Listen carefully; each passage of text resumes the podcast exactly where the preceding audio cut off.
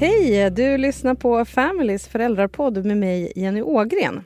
I Familypodden så snackar vi om sånt som handlar om barn och föräldrar och så får vi svar från experter på alla tusentals frågor vi har kring kids. Och I det här avsnittet så ska vi snacka om hur man kan träna när man är gravid. Har alla samma förutsättningar? Vad kan man göra om man aldrig tränat tidigare? Och hur hårt kan man egentligen pressa sig själv när man samtidigt odlar barn i magen? Jag har med mig en person som har stenkoll på just det här. Hej, jag heter Anna Reinhold Landeus och jobbar som personlig tränare med inriktning träning under och efter graviditet. Anna, hur ska man träna när man är gravid? Och, eh, det finns ju generella rekommendationer som vi som jobbar med det eh, bör ha med i beaktande. Eh, och det är som för oss andra dödliga, eh, 150 minuter i veckan eh, eller helst 30 minuter om dagen. Men då pratar vi om fysisk aktivitet, alltså att vi får någon slags förhöjning av våran puls. Och sen önskar man egentligen eh, styrketräning och eh, aktiveringsträning av bäckenbotten utöver det. Mm. Men när jag pratar om fysisk aktivitet så är det ju mer det här, alltså att du går kanske en promenad där du blir lite andfådd. Eller simmar eller kanske tar en cykeltur. Så att man håller igång mer hjärtat på det sättet. Så mer kondition då. Fast inte jättehög puls utan att du använder dig av den här att du ska kunna prata hela tiden. Det är ett bra mått att ha med sig. Mm. Om man är en sån här som har varit, eh, som gillar att träna mm. när man upptäcker att man är gravid, är det bara att köra på som vanligt då? Alltså det där är så otroligt individuellt. Jag önskar att det fanns, så här gör vi och så här gör alla och så var det jätteenkelt. Eh, det är väldigt olika. Beroende dels på hur man har tränat innan eh, men sen också hur man svarar på graviditeten, hur man mår. Eh, mår du väldigt illa första tolv veckorna, eh, så många gör ju det för att det är just den första trimestern så eh, händer det väldigt mycket eh, rent fysiologiskt i kroppen som gör att det är därför man blir extra trött. Och då kan man ju behöva vila lite extra mycket för alla. Men är det så att du är van att träna så, alltså oftast känn efter själv så. Eh, kroppen, om man vågar lyssna på kroppen så, så svarar den ganska bra. Men då gäller det också att våga lyssna så att man inte bara kör på fullt ös utan att man också har med sig vad det är som händer i kroppen som påverkar då, eh, ens träning. Mm. Och om det är så att man inte har tränat eh, någonting överhuvudtaget utan men ändå känner så här att mm, jag har ändå hört att det är bra att träna lite inför mm. förlossning och för att man ska orka sen efteråt. Vad, hur börjar man träna då? Alltså just är det något tillfälle där man verkligen kan tänka att men gud, nu vill jag börja träna så tänker jag att det är under graviditeten. Eh, men då också ha med sig att, att det får inte bli den här skamgrejen som är, eh, vill säga att jag ska känna mig dålig om jag inte tränar. Men då får man ju också minnas att en övning eller att jag gör någonting är bättre än ingenting. Och att där gäller ju nästan att man får stegra långsamt Eh, om man inte har tränat förut. Då. Eh, men det man kan tänka på är till exempel att man kanske köper ett gummiband, tar med sig det på promenaden och gör någon övning. Det finns ju väldigt mycket inspiration som man kan hitta på nätet. Eh, det är ju en av de fördelarna som finns med sociala medier, att det finns eh, sen ska man då veta vad det är för slags övningar men jag vet att eh, ni på Aftonbladet också har ju filmer där man kan gå in och titta enkelt, så enkla övningar som man kan göra. Men andra tips kan ju vara till exempel att gå av bussen eh, en station tidigare. Eh, så att det inte heller blir det här att man tror att man måste vara, träna i flera timmar, att det blir en sån lång startsträcka utan att tänka att det räcker verkligen med litet. Och sen så finns det ju mycket gravidyogaklasser eller gravidvattengympa. Eller om man anlitar kanske en personlig tränare som har kunskapen kring det. Det kan ju också vara lättare för att få inspiration i början då. Mm. Och sen är det så här, vissa som eh, blir gravida har redan barn hemma. Mm. Hur hinner man träna då?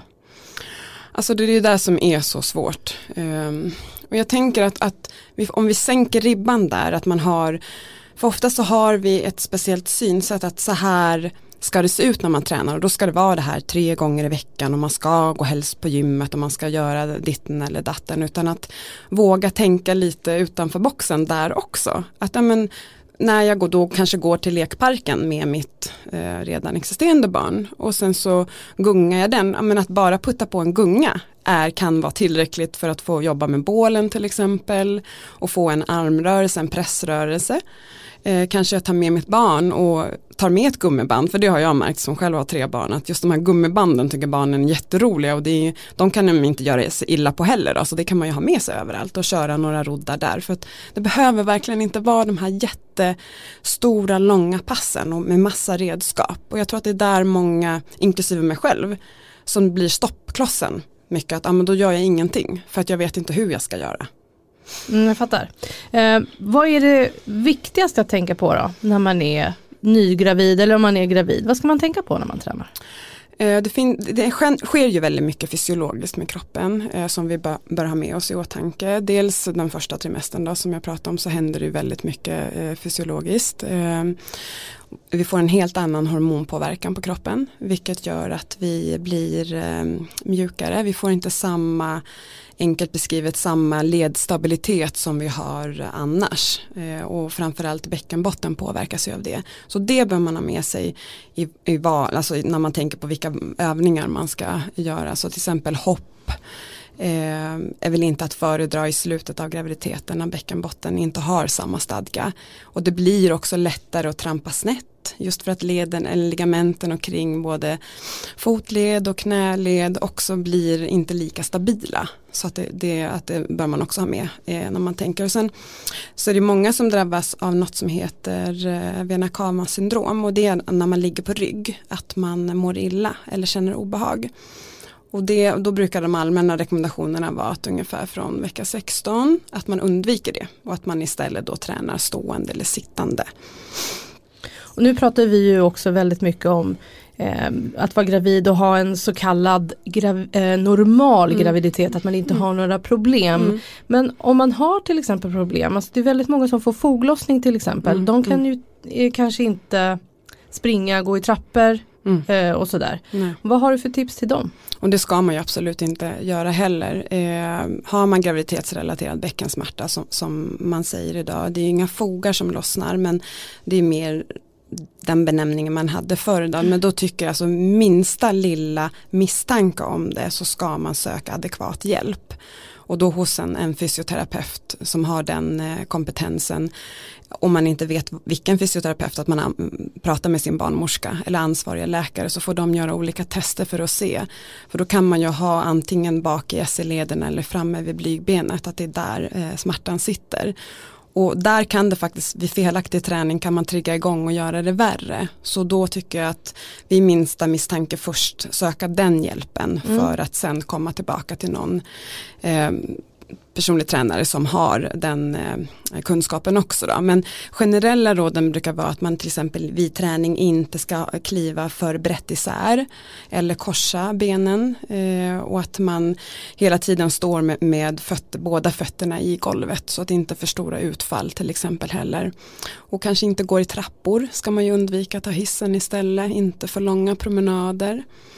Och brukar vara så här råd att om man till exempel ska ta sig ur bilen att man sitter på en plastpåse och glider ur bilen för det handlar ofta om att när du separerar benen för mycket så gör det ont.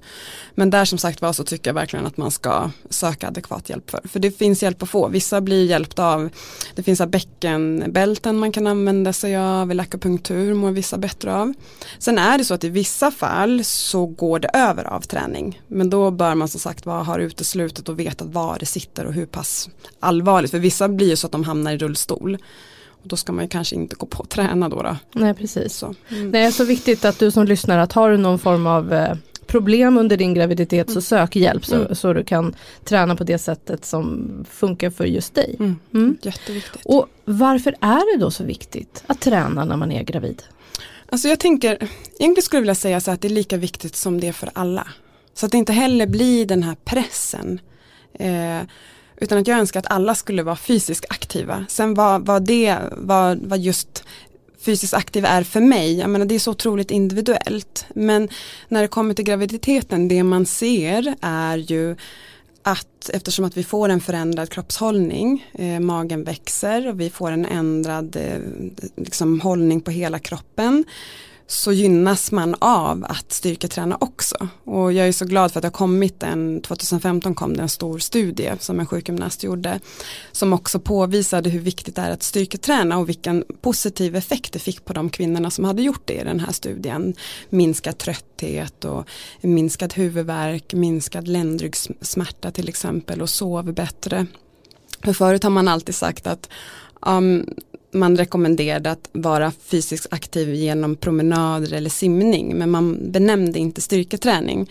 Så vi som jobbar med, träning, vi personliga tränare, vi blev jätteglada när den här studien kom för vi har ju vetat det väldigt länge att, att det är bra liksom med rätt övningar, att man känner sig piggare och starkare och kunna bära sin bebis liksom hela graviditeten. Och sen även efter? Absolut, mm. absolut. Say hello to a new era of mental health care. Cerebral is here to help you achieve your mental wellness goals with professional therapy and medication management support. 100% online. You'll experience the all new Cerebral Way, an innovative approach to mental wellness designed around you. You'll get a personalized treatment plan from a therapist, prescriber, or both in a safe and judgment free space. Your Cerebral therapist or prescriber will outline a customized plan with clear milestones along the way so you can get to feeling your best. With Cerebral, you're not alone in your mental health journey. We're here to empower you to live a fulfilling life. So take that first step towards a brighter future and sign up today at cerebral.com slash podcast and use code ACasts to get 15% off your first month. Offer only valid on monthly plans. Other exclusions may apply. Offer ends July 31st, 2024. See site for details. Um, hur mycket betydelse har träningen för själva förlossningen? För det är också någonting som många som är gravida går och funderar på. Hur ska jag orka den och mm. vad är viktigt med träning kring förlossningen? Ja, alltså jag tror att det är svårt att säga att genom träning att man skulle kunna påverka själva förlossningsförloppet, eller hur? Det tror jag inte och jag tror att det är viktigt att vi nämner det och gör det tydligt så att det inte blir en grej att jag får en skamgrej. Om det nu så händer någonting under min förlossning så hade jag kunnat förhindra det genom att jag hade tränat. Och så är det ju inte. Absolut inte. Man får aldrig känna något ansvar eh, i slutändan vad som sker. Men däremot så tror jag att med en kroppsmedvetenhet och framförallt med tillgången till att kunna slappna av om jag förbereder mig på det det kan gynna mig under förlossningen och att jag kan vara medveten om hur pass lång tid det kan vara. En förlossning kan ju ta liksom upp mot vadå, 72 timmar utan att egentligen det är jättekonstigt. Och jag vet, men ändå att man har med sig det att hur slutändan, där bär jag inget ansvar hur det blir. Men sen kan jag ju vara förberedd, absolut genom att kunna slappna av. Det är väl det som jag önskar att man hade med sig mest. Mm. Och sen om man säger så här eh, hur hårt kan man pusha sig själv i träningen? Eh, och så oavsett hur, vilken nivå du ligger på när du går in i en graviditet så kan man använda sig av samma mått under hela och det är den här walk and talk. vi säger att du ska kunna hålla ett samtal under din träning. Och det är framförallt för att du inte ska skapa ett för stort buktryck, ett tryck neråt mot bäckenbotten. Så att andas du hela tiden, vi säger att om jag pratar med dig här så har jag igång min andning hela tiden. Och då eh, blir det mer en kontrollerad andning ner mot bäckenbotten också så det här trycket undviker vi då. Så det skulle jag nog råda till att man använder sig av. För då på något sätt så stabiliseras ens träning också utefter det. Men sen är det ju såklart så otroligt olika. Det är ju Alltså vissa som jag har haft som, som springer väldigt, som har sprungit hela sin graviditet och det har funkat för dem. Eh, med deras bäckenbotten också men de tok springer ju inte i slutet utan de håller ju till slut så blir det ett smålufsande mer fram. Mm. Eh, men har man inte sprungit innan då skulle jag kanske inte rekommendera att det är det man börjar med under sin graviditet heller. Men så att det, det är så otroligt olika att säga men hur hårt, jag tror att kroppen, vågar man lyssna som sagt var på, och då till exempel när du tränar så ska man ju undvika att få tyngdkänsla neråt mot bäckenbotten. Du ska inte läcka urin till exempel. Eh, gör man det så är det en stark indikation på att det är för tungt. Men funkar, liksom funkar den biten och du håller den stabiliteten och andningen är igång så finns det egentligen inget som säger att du inte skulle kunna träna på ett visst sätt. Mm, bra. Vad får man absolut inte göra? Eller finns det eh, övningar som man ska undvika? Alltså dels som jag sa förut nämnde det här med bäckenbotten och det är väl det man bör ha med sig att bäckenbotten inte har samma stadga eh, och stabilitet att hålla upp eh, som den har innan på grund av de här hormonerna som frisätts. Eh, vilket såklart påverkar så att kanske stå och hoppa jättemycket är ju inte toppen för bäckenbotten då för det blir svårare och svårare att hålla den stabiliteten. Sen är det så att göra massa forcerade bålövningar i slutet av graviditeten. Eh, inte farligt som situps och plankor men å andra sidan så det ger ingen effekt heller. För ju mer magmusklerna delar på sig och sträcks ut så mindre stabila blir de och har inte kvar riktigt det här funktionen som de hade innan och att jag då är där och nöter på övningar som kroppen inte svarar på. Det är ganska onödigt, så farligt är det väl inte men men ganska, ja, vad är syftet då? Är det att bli, få en starkare bål? Ja men då kanske man ska byta och jobba mer med stabilitetsövningar istället då. Okej, så inte så mycket plankan och sit-ups på slutet? Nej, utan mer bara tänka att man bär in bebis in mot ryggraden och har med det tänket mer. Okej, men hur gör man med, eh, om man är så här, ah men träna, jag mm. orkar inte. Mm. Men hur får man in det med vardagsmotionen då? Nej men, alltså jag bara tänk att det inte behöver vara det här att vi går till gymmet, att det inte behöver vara den långa startsträckan utan gå av en busstation tidigare. Våga kanske ta cykeln och är det så att jag inte vill cykla hela vägen till jobbet, nej men cykla en bit då och parkera cykeln och ta bussen eller tunnelbanan resten. Så att våga, våga ha lite fantasi också. Och jag menar, vi träffar ju kompisar och så kanske man kan ha en, en träningsdejt istället för att man går och fikar. Eller så gör man båda. Man både tränar och sen efteråt går man och tar en fika eller i en annan ordning. Men att, att göra det tillsammans tror jag eh, gör det så mycket enklare. Och har man barn sedan tidigare, ta med dem också. Alltså de tycker det är kul och det behöver ju inte vara ett sätt, det, det är ju rörelse. Så att följ efter barnen och gör som de gör i en kvart så lovar jag att man kommer vara helt slut efter. Då är man helt ja. slut. så som de slänger och flänger i, i, i klätterställningar och ja. allting. Um, och Anna, vilka tre redskap kan man ha hemma för att träna om man inte kommer iväg till gymmet? Men gummiband skulle jag säga eh, med handtag.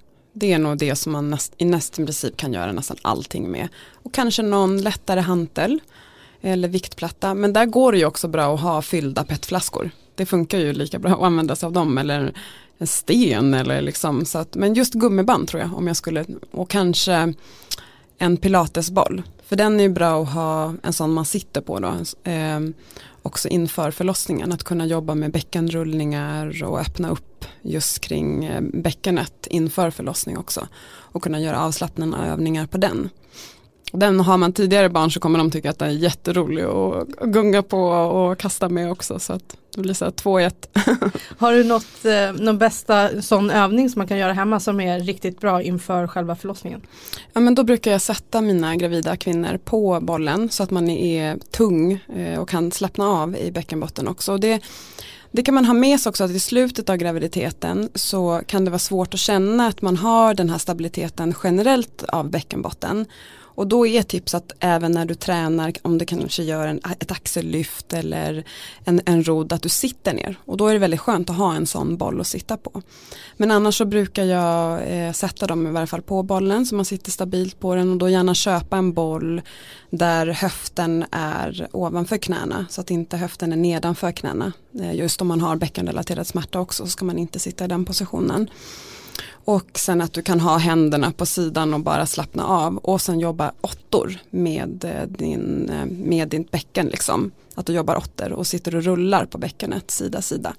För det är också mjuka upp kring och skapa en avslappning. Mm. Vi började båda ja, vi två göra här. här. Jag vill visa hur man ska förklara. Eller hur? Ja. Eh, och eh, hur tränar man rent mentalt då?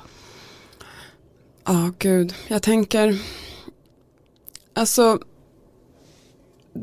dels så tror jag att det jag märker att många behöver jobba med det är dels det här som händer med kroppen. För vissa är det jättejobbigt att jag blir större eh, och då kan det vara den biten jag behöver jobba extra mycket med. Den här acceptansen av min kropp eh, och att det är helt okej okay, eh, att jag går upp i vikt. Ehm, och att det är helt okej okay att jag kanske också har smärta om jag nu får det. Eh, och förhoppningsvis är det smärta som kommer att gå över. att jag är tröttare. För jag tror att rent mentalt så att acceptera att vi bär på ett barn, ett annat, ett liv. Ehm, och också vara, alltså behandla sig själv snällt i det, i den känslan att inte ha den här piskan på. Och det, för vi har ett otroligt tempo i våran vardag, i vårt samhälle generellt, för alla. Man som kvinna, eh, gravid eller inte gravid. Så jag tror att i det här tillståndet, för att man blir skörare, så är det alla blir vi påverkade på något sätt under graviditeten. Och alla blir det emotionellt också. Eh, för med också hormonpåverkan så blir man extra skör. Och då tänker jag att det är jätteviktigt att ha med den här acceptansen av förändringen och se att det är någonting positivt. Eh, och inte känna stress. Och, eh, utan jag lägger mycket fokus på andning. För där kan vi där kommer man i kontakt med sina känslor också. Det går inte att djupandas och ha tillgång eh, och inte så småningom hitta det här lugnet. Hur viktigt är det med andningen?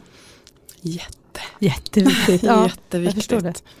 det vet man ju bara själv när man själv är stressad så hamnar ju andningen uppe i bröstkorgen och man andas här uppe och det blir en snabb andning och det i sig kan eh, ge spänningshuvudvärk och det är ju precis likadant för gravida. Men de har ju ytterligare en grej, det betyder inte bara att de är stressade utan de har också en, en växande livmoder som trycker upp mot vår andningsmuskel. Så man får som gravid svårare att andas även om man är lugn så, så rent fysiologiskt så, så händer det och då gynnas man ännu mer att ha med det tänket hela tiden. Så då är det bra att träna på andning också? Jätteviktigt. Träna på äh, andning, mm. ha ett gummiband hemma, mm. då kommer man ganska långt mm. och inte stressa. Ja, absolut. Anna, har du något sista tips till alla som precis kanske har upptäckt att de är gravida och de ska tänka träning? Alltså inte låsa sig vid att det finns ett sätt utan att våga lita på kroppen och, och sen är det ju så att vi får ett endorfinpåslag när vi tränar och det gäller ju alla. Så att det kan även gynna oss att, att eh, få komma igång med den här fysiska aktiviteten. Tack Anna för att du var med idag. Tack att jag fick vara med. Ja, tack Anna Reinhold Landeus för alla de här tipsen om hur man kan träna när man är gravid.